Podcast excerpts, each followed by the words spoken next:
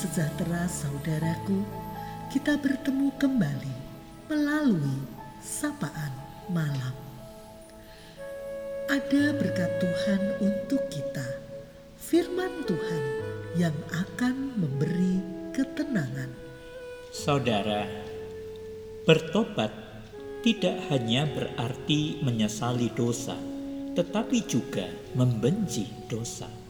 Di heningnya malam ini, marilah kita menyediakan diri kita untuk disapa oleh firman Tuhan yang terdapat di dalam 2 Samuel 12 ayat 13 dan 14. Lalu berkatalah Daud kepada Nathan, Aku sudah berdosa kepada Tuhan.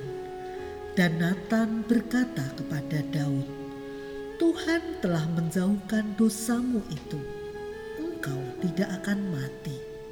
Walaupun demikian, karena engkau dengan perbuatan ini telah sangat menista Tuhan, pastilah anak yang lahir bagimu itu akan mati. Saudara-saudara, beberapa kecelakaan terjadi dengan efek beruntun. Pengendara sepeda motor menyenggol sepeda motor lainnya. Namun korbannya bisa orang di tepi jalan atau kendaraan lain jadi masuk selokan karena mencoba menghindar. Efek beruntun dimulai dari sebuah pelanggaran atau kesalahan. Daud sudah mengakui dosanya dan diampuni.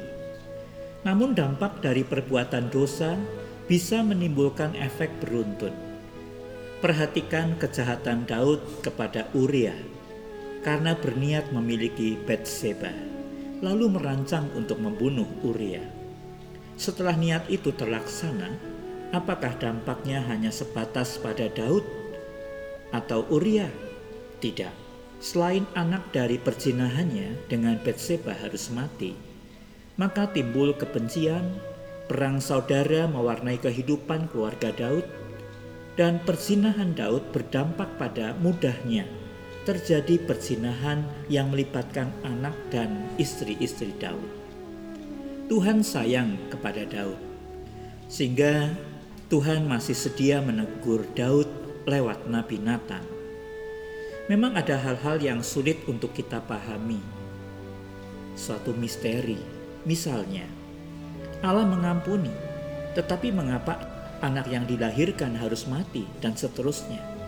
Mungkin saja Tuhan hendak memberi peringatan keras agar kejahatan seperti ini tidak perlu terulang lagi, atau jangan terulang lagi.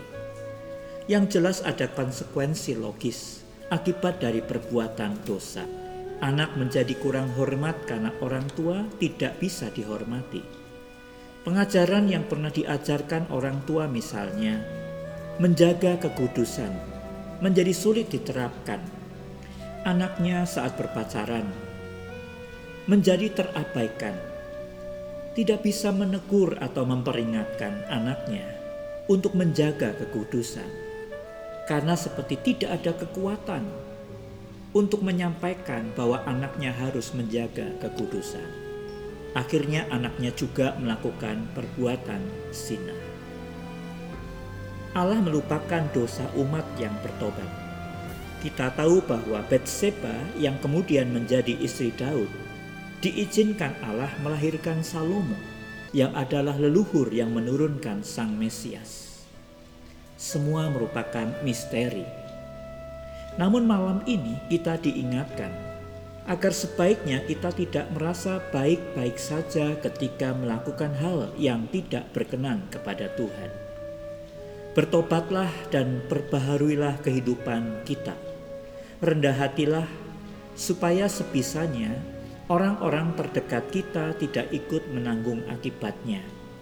Selebihnya kita serahkan kepada Tuhan. Jika ada hal-hal yang harus terjadi sebagai konsekuensi logis dari perbuatan dosa. Akan lebih baik lagi jika peringatan ini membaharui kita untuk menebalkan pengenalan dan cinta kita kepada Tuhan, agar kita benci dosa, dan mari terus kita mohon pimpinan Tuhan tiap-tiap waktu.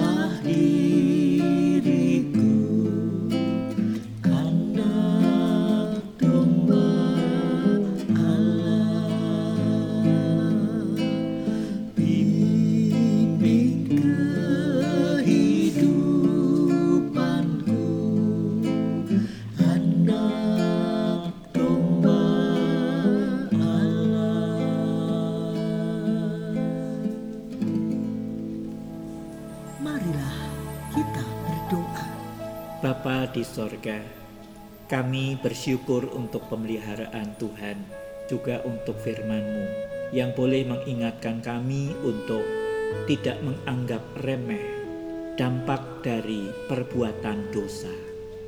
Kami boleh yakin akan pengampunan Tuhan, agar supaya kehidupan umat-Mu bisa membenci dosa dan memiliki relasi yang semakin erat dengan Tuhan. Terima kasih Papa. Berdoa untuk yang sedang sakit Tuhan pulihkanlah mereka. Berdoa untuk tiap-tiap keluarga. Berikanlah damai sejahteramu. Kiranya setiap keluarga boleh menjadi umatmu yang senantiasa takut akan Tuhan. Di dalam nama Tuhan Yesus Kristus. Amin. Selamat malam saudaraku tebalkanlah pengenalan dan cinta kita kepada Tuhan dan teruslah mohon bimbingannya. Selamat beristirahat. Tuhan Yesus memberkati.